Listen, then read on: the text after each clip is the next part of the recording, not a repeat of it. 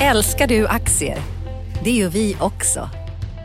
Sea Worldwide Asset Management är en av Nordens största oberoende aktiva aktieförvaltare och har samlad kunskap sedan 1986. Ta del av vår kunskap på seaworldwide.se. Bokstaven C, worldwide.se.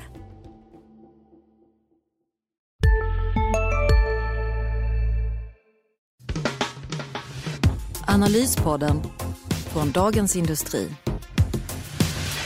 Hej allihopa! Välkomna till ett nytt avsnitt av Dagens Industris Analyspodden där vi går igenom de viktigaste händelserna på framförallt på börsen men även eh, makro och räntor och valutor. Så ska vi bena ut åt er vad som har hänt. Eh, idag med mig, Martin Blomgren bakom en spak och the coolest monkey in the jungle kanske, på andra sidan. Precis, nu ska jag stämma dig. Eh, eh, just det, här är jag. Ulf Pettersson. heter jag och ska köra podden med Martin här. Mm. Jaha Martin, eh, det är upptakt på, på, på rapportsäsongen. Det är väl en, ett, ett givet tema eller? Exakt, vi ska prata rapporter, de som har kommit och framförallt vad som är på gång och vi ska prata lite dollarn och plötsligt hamnat i spel igen. Ja, Och, eh, och många vinstvarningar inför rapporten också så det finns, finns lite att ta av även idag precis. Så en rejäl vinstvarning mitt, mitt i den början av rapportfloden då med Fingerprint Card som var eh, eh lite extra stor och extra intressant tycker jag. Ska vi börja där med lite förspelet? Det har ju trillat in ganska mycket vinstvarningar. Det var Skanska tidigare och eh, Scandic Hotels och sådär. Och nu i veckan så kom då Fingerprint. Den kanske inte var fullt så lika stor skräll med tanke på historiken det senaste året där, där det har varit eh, en, en långsam implodering kan man väl säga.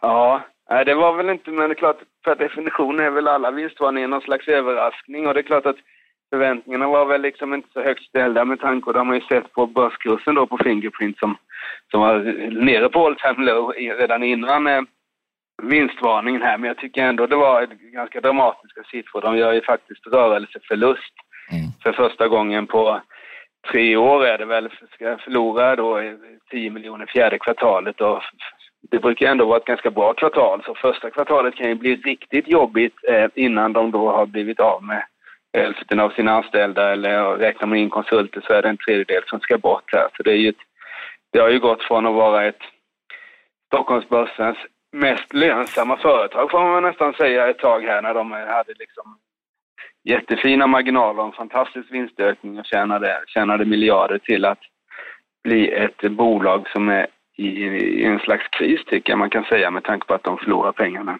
Ja, och man är ju en, trots allt ett, i princip ett enproduktsbolag och eh, som måste vara forskningsinriktat om man ska kunna försvara sin plats bland jättarna och nu säger man upp jättemycket personal så att ja, det här kan nog, eh, det här ska man ju inte ge sig på om man inte är väldigt, väldigt, väldigt riskbenägen och, och aktien har väl tappat eh, närmare 90 procent nu från toppen så att Ja, och fortfarande är det faktiskt värt en, en eh, 4 miljarder. Det tycker Mm. jag man ska komma ihåg här. Det är lätt att liksom eh, titta, nu har de en miljard i kassan. Det var ju synd att de köpte aktier för en, för en miljard också. Hade de inte gjort det så hade de haft två miljarder i kassan. Eh, eh, och, och, men eh, ja, det är svårt alltså. Det har ju gått ohyggligt snabbt den här biometri. Det var liksom från ingenting för fem år sedan till att eh, ja, nästan varenda telefon har biometri nu. Så det är liksom den här produktlivscykeln som har liksom gick ju på några år här och nu nästa grej det är att försöka liksom komma på ännu,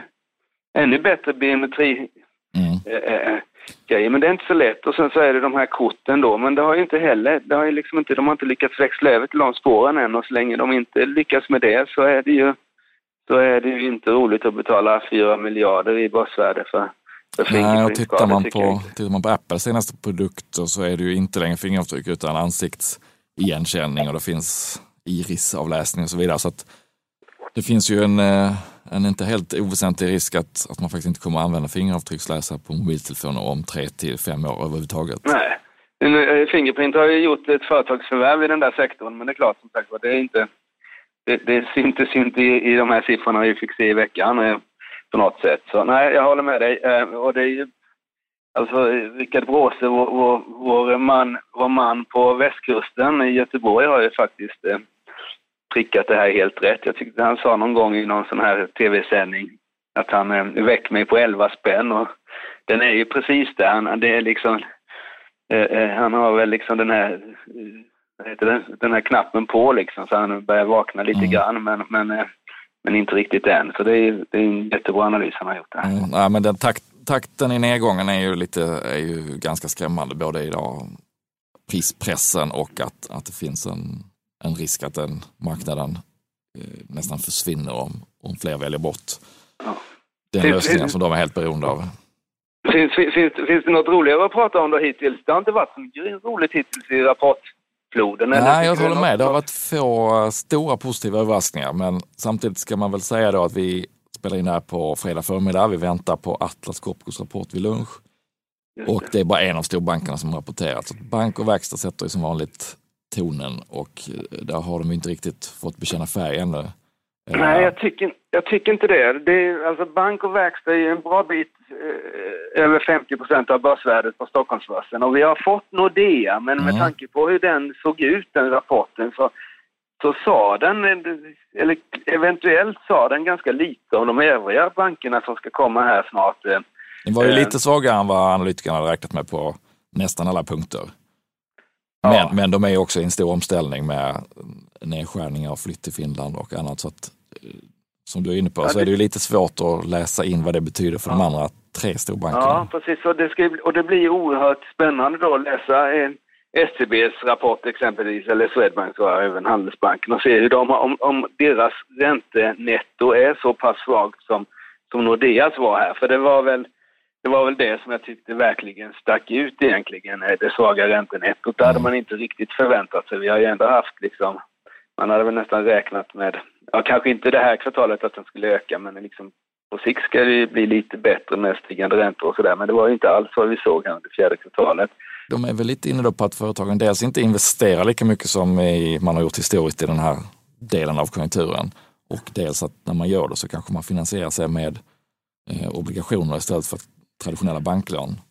Ja, det gör man, men då så borde ju liksom, det borde ha märkts ändå, för att du, liksom Volvo ger inte ut några obligationer utan att en bank är inblandad. Mm. Och jag vet att jag pratade med Annika Falkengren någon gång på den tiden, hon var VD för SEB, att ja, hur blir det nu när, när liksom bolagen ska, ska ut och göra egna emissioner, ja, men, eh, obligationsemissioner? Nej, men det är bra, det är liksom, eh, det tyckte hon var bra, för då, då, då fick de eh, intäkter på den sidan också man, Mm. det var lite riskspridning. Så, så det, liksom, det var ingenting som hon såg som ett problem i alla fall, men tydligen är från, från Koskull av en annan åsikt just i Mm. Det det, det kan ju vara att nettot inte blir positivt även om man får intäkterna genom att man hjälper till med obligationsemissionen och handel med den i efterhand så kanske det inte täcker upp för den här eh, tickande eh, räntenettot som man har på ett lån som bara löper och löper år efter år. Så att, eh, Ja. Även om de, de Alltså- inte tappar allt Nej, så, de så kan nettot bli negativt. bankerna har ju blivit generellt försiktiga. Man ser ju, de har ökat,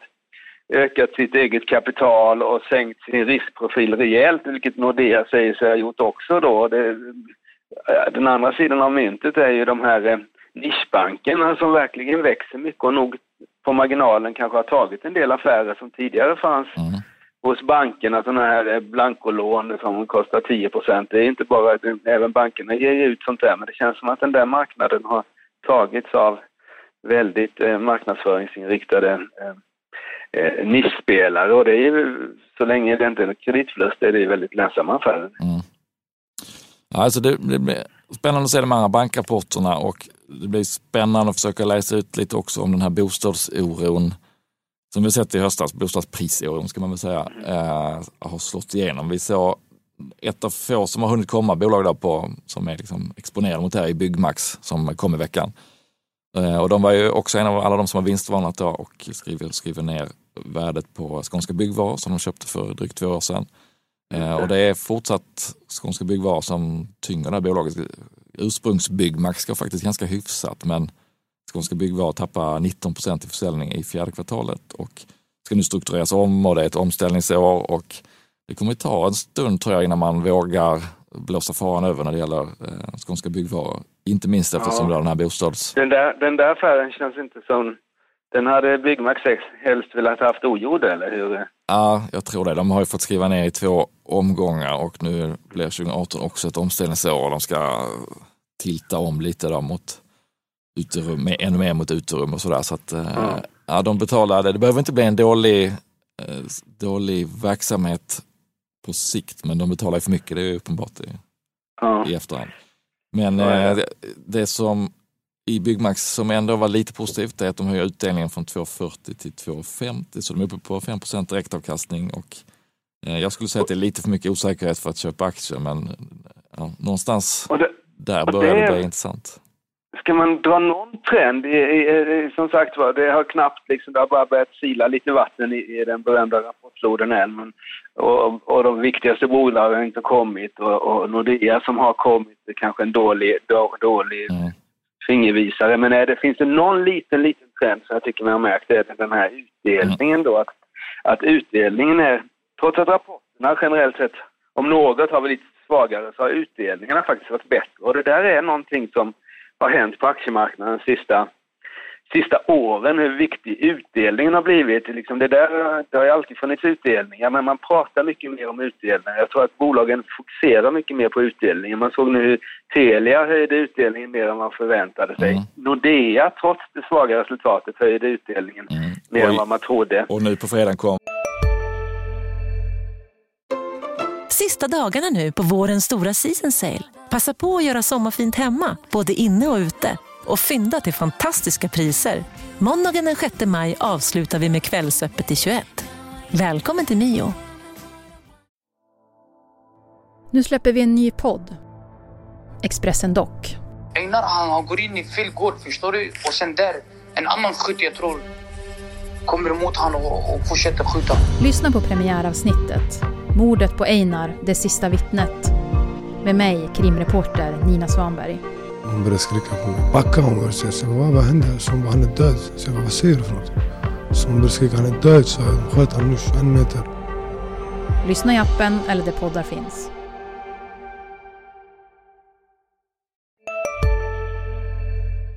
Mm, Cloetta men, och ge en extrautdelning.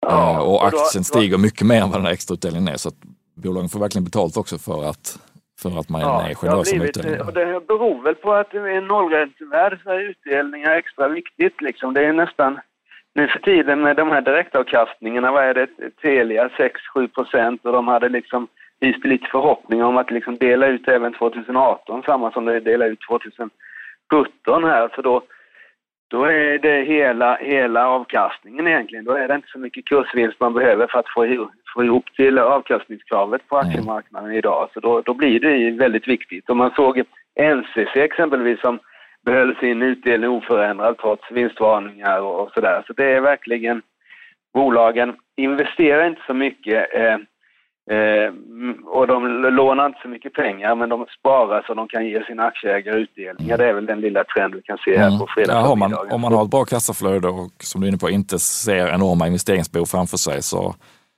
så ska man ju vara generös med utdelningen om, om man inte ser ett stup framför sig. Och det är väl det vi, det är väl det vi ser här. Då. Men eh, jag kan tycka att det ibland är lite, att de får lite väl bra betalt för det. Om man, om man ger en utdelning som avviker med några öre mot, mot vad analytikerna väntat sig och så stiger aktien med flera kronor. Då, då kanske ja, man drar lite för stora växlar på de där beskeden. Det är lite, det är lite Ebberöds bank att betala kronor för ören. Ja.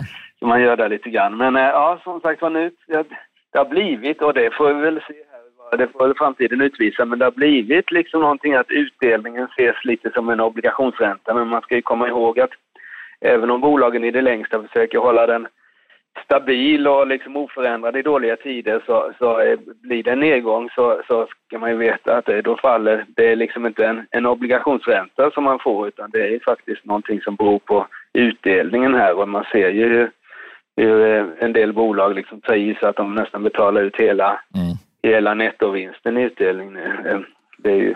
Nej, den dagen det verkligen blåser då är det inte så mycket att hålla i handen. Eh, om, det är klart att man kan snappa upp bolag som man vill ha på riktigt lång sikt på en bra direktavkastning när det, när det går ner ordentligt på börsen. Mm. Men, men, man ska ju inte tro att det i sig kommer att stå emot om det blir eh, dåliga rapporter eller sämre efterfrågan. Men Och om man, om man är, tittar på, nu är ju räntorna fortfarande väldigt låga, även långräntorna i Sverige, men i USA så har det blivit allt mer fokus på eh, tioårsräntan, långräntan där som har gått över 2,60 och direktavkastningen i USA är ju lite lägre än i Sverige så att där börjar ju den långa räntan som idag är enligt teorin riskfri närma sig en nivå där, där direktavkastningarna ligger och eh, då kan man faktiskt säga varför ska man ha pengar på börsen om man bara är intresserad av direktavkastning när man kan få en riskfri ränta på 2,6 procent. Så det börjar bli ja, en, en konkurrent där, till börsen. Det där är en sån där eh, tipping point eh, eh, grej när, när räntan blir högre än, än utdelningen. Vi har ju en bra bit, en väldigt bra bit kvar på Stockholmsbörsen, men som sagt var i USA eh, eh, Ja, där, där, där är vi faktiskt där som, som du säger och det där är en liten varningssignal för börsen när man kommer från det här hållet som vi kommer också mm. faktiskt. Det är väldigt sällsynt att, ja vi får se. Eh, och om vi, om, vi håller, ja, om vi håller oss kvar i USA så har det varit, har dollarn dykt upp på radarn igen. Det var ju eh, om, eh, om ni minns slutet på sommaren 2017 så blev det plötsligt lite, lite dollarfrossa på börsen. Speciellt verkstadsbolagen var väl rapporterna för halvårsrapporterna lite så här mediokra, inte dåliga men, men uh, mediokra och sen så började dollarn falla ner mot 8 kronor och då plötsligt blev alla livrädda för att nu, nu kommer det bli dollarsmällar i, i höst och vinter och sen glömde man bort det där när dollarn vände upp men nu är det faktiskt under 8 igen för första ja. gången sedan i, i början på september. Och det känns som de inte riktigt är ense, eh, Donald Trump och hans eh, finans, eh, finansminister, vad, vad, som är, vad som är bra och dåligt här. Nej, de verkar inte att... ha suttit bredvid varandra på, på planet för att först Nej, så sa då finansministern, som inte går att uttala hans namn, Mnuchin, att, att han gärna ser en svagare valuta, det är, bra för, det är bra för USA. Och sen sa Trump i Davos då att dollarn kommer bara bli starkare och starkare. Så att, det, det verkar inte ja, vara någon gemensam policy där. Men, Nej, och det är ju faktiskt, och man ser här nu, nu eh, och där har vi, om vi tar liksom den här, det här eh, som, sommarrallyt vi hade på börsen, det var ju när dollarn vände upp igen. Eh, ja, men nu så vänder den ner här och jag lite, lite, nu har vi liksom inte, börsen har gått ner lite grann, men med tanke på den dollarförsvagning vi har haft så är det faktiskt så tycker jag att Stockholmsbörsen har klarat sig mm. osedvanligt bra egentligen. Jag eh. tror att om, om, när det gäller industribolagen, om, som ju är mest gynnade av en stark dollar, då, om, om rapporterna blir bra så kommer man liksom inte att dra så stora växlar på det. Men om rapporterna skulle bli en besvikelse, då tror jag att man kommer spela ut dollarkortet igen och, och säga att ja, dels så är konjunkturen kanske nådd, man, man får inte ut eh, de vinsterna man borde, eller som man tidigare har fått av en efterfrågeökning och nu dessutom så får man dollarn mot sig igen. Så att den, den eh, lurar i kulisserna kan man säga.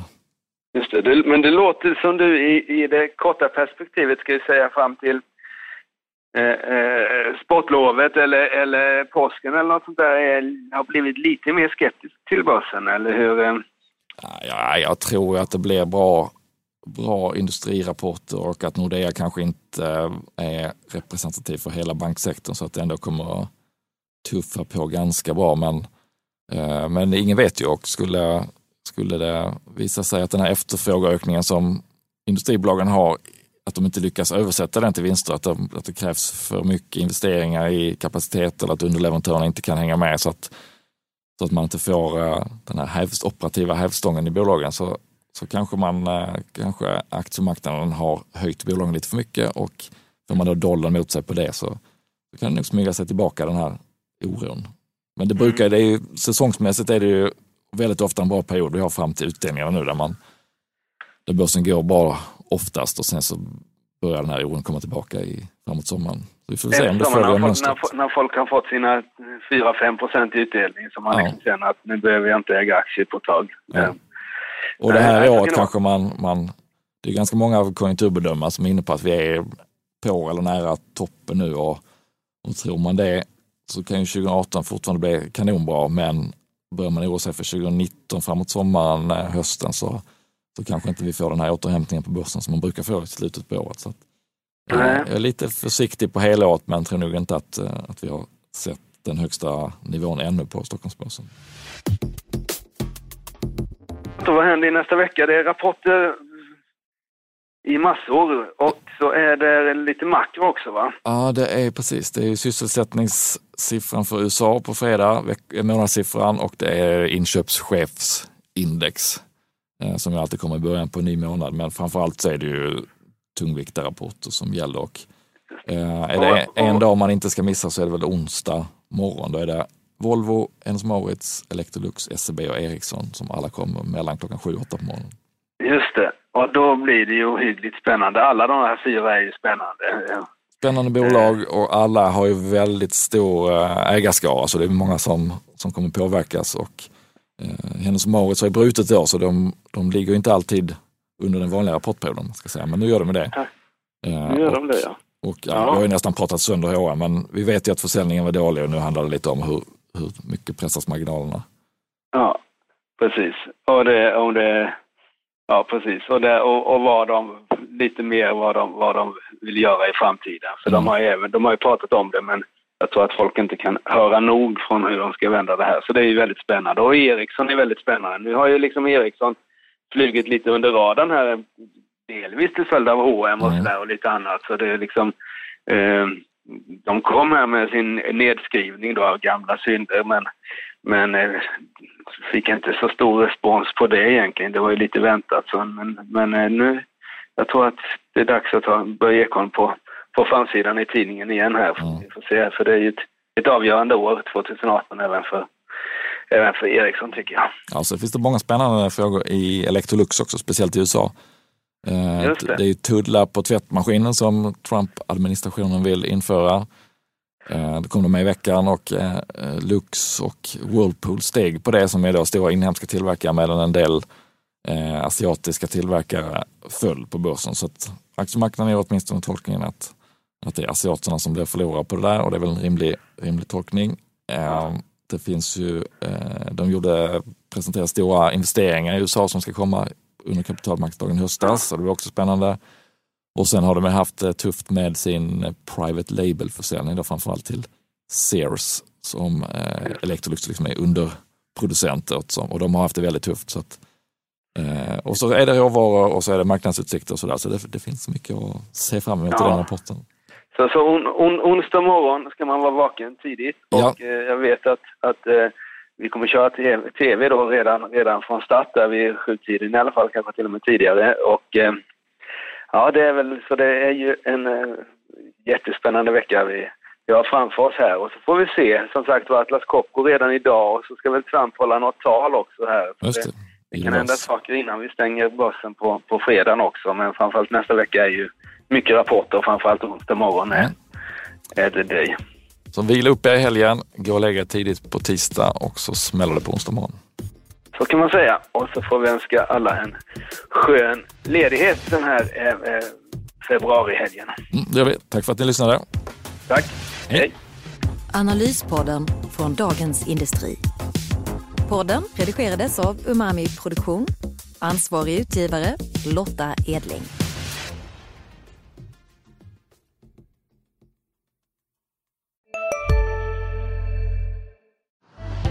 Älskar du aktier?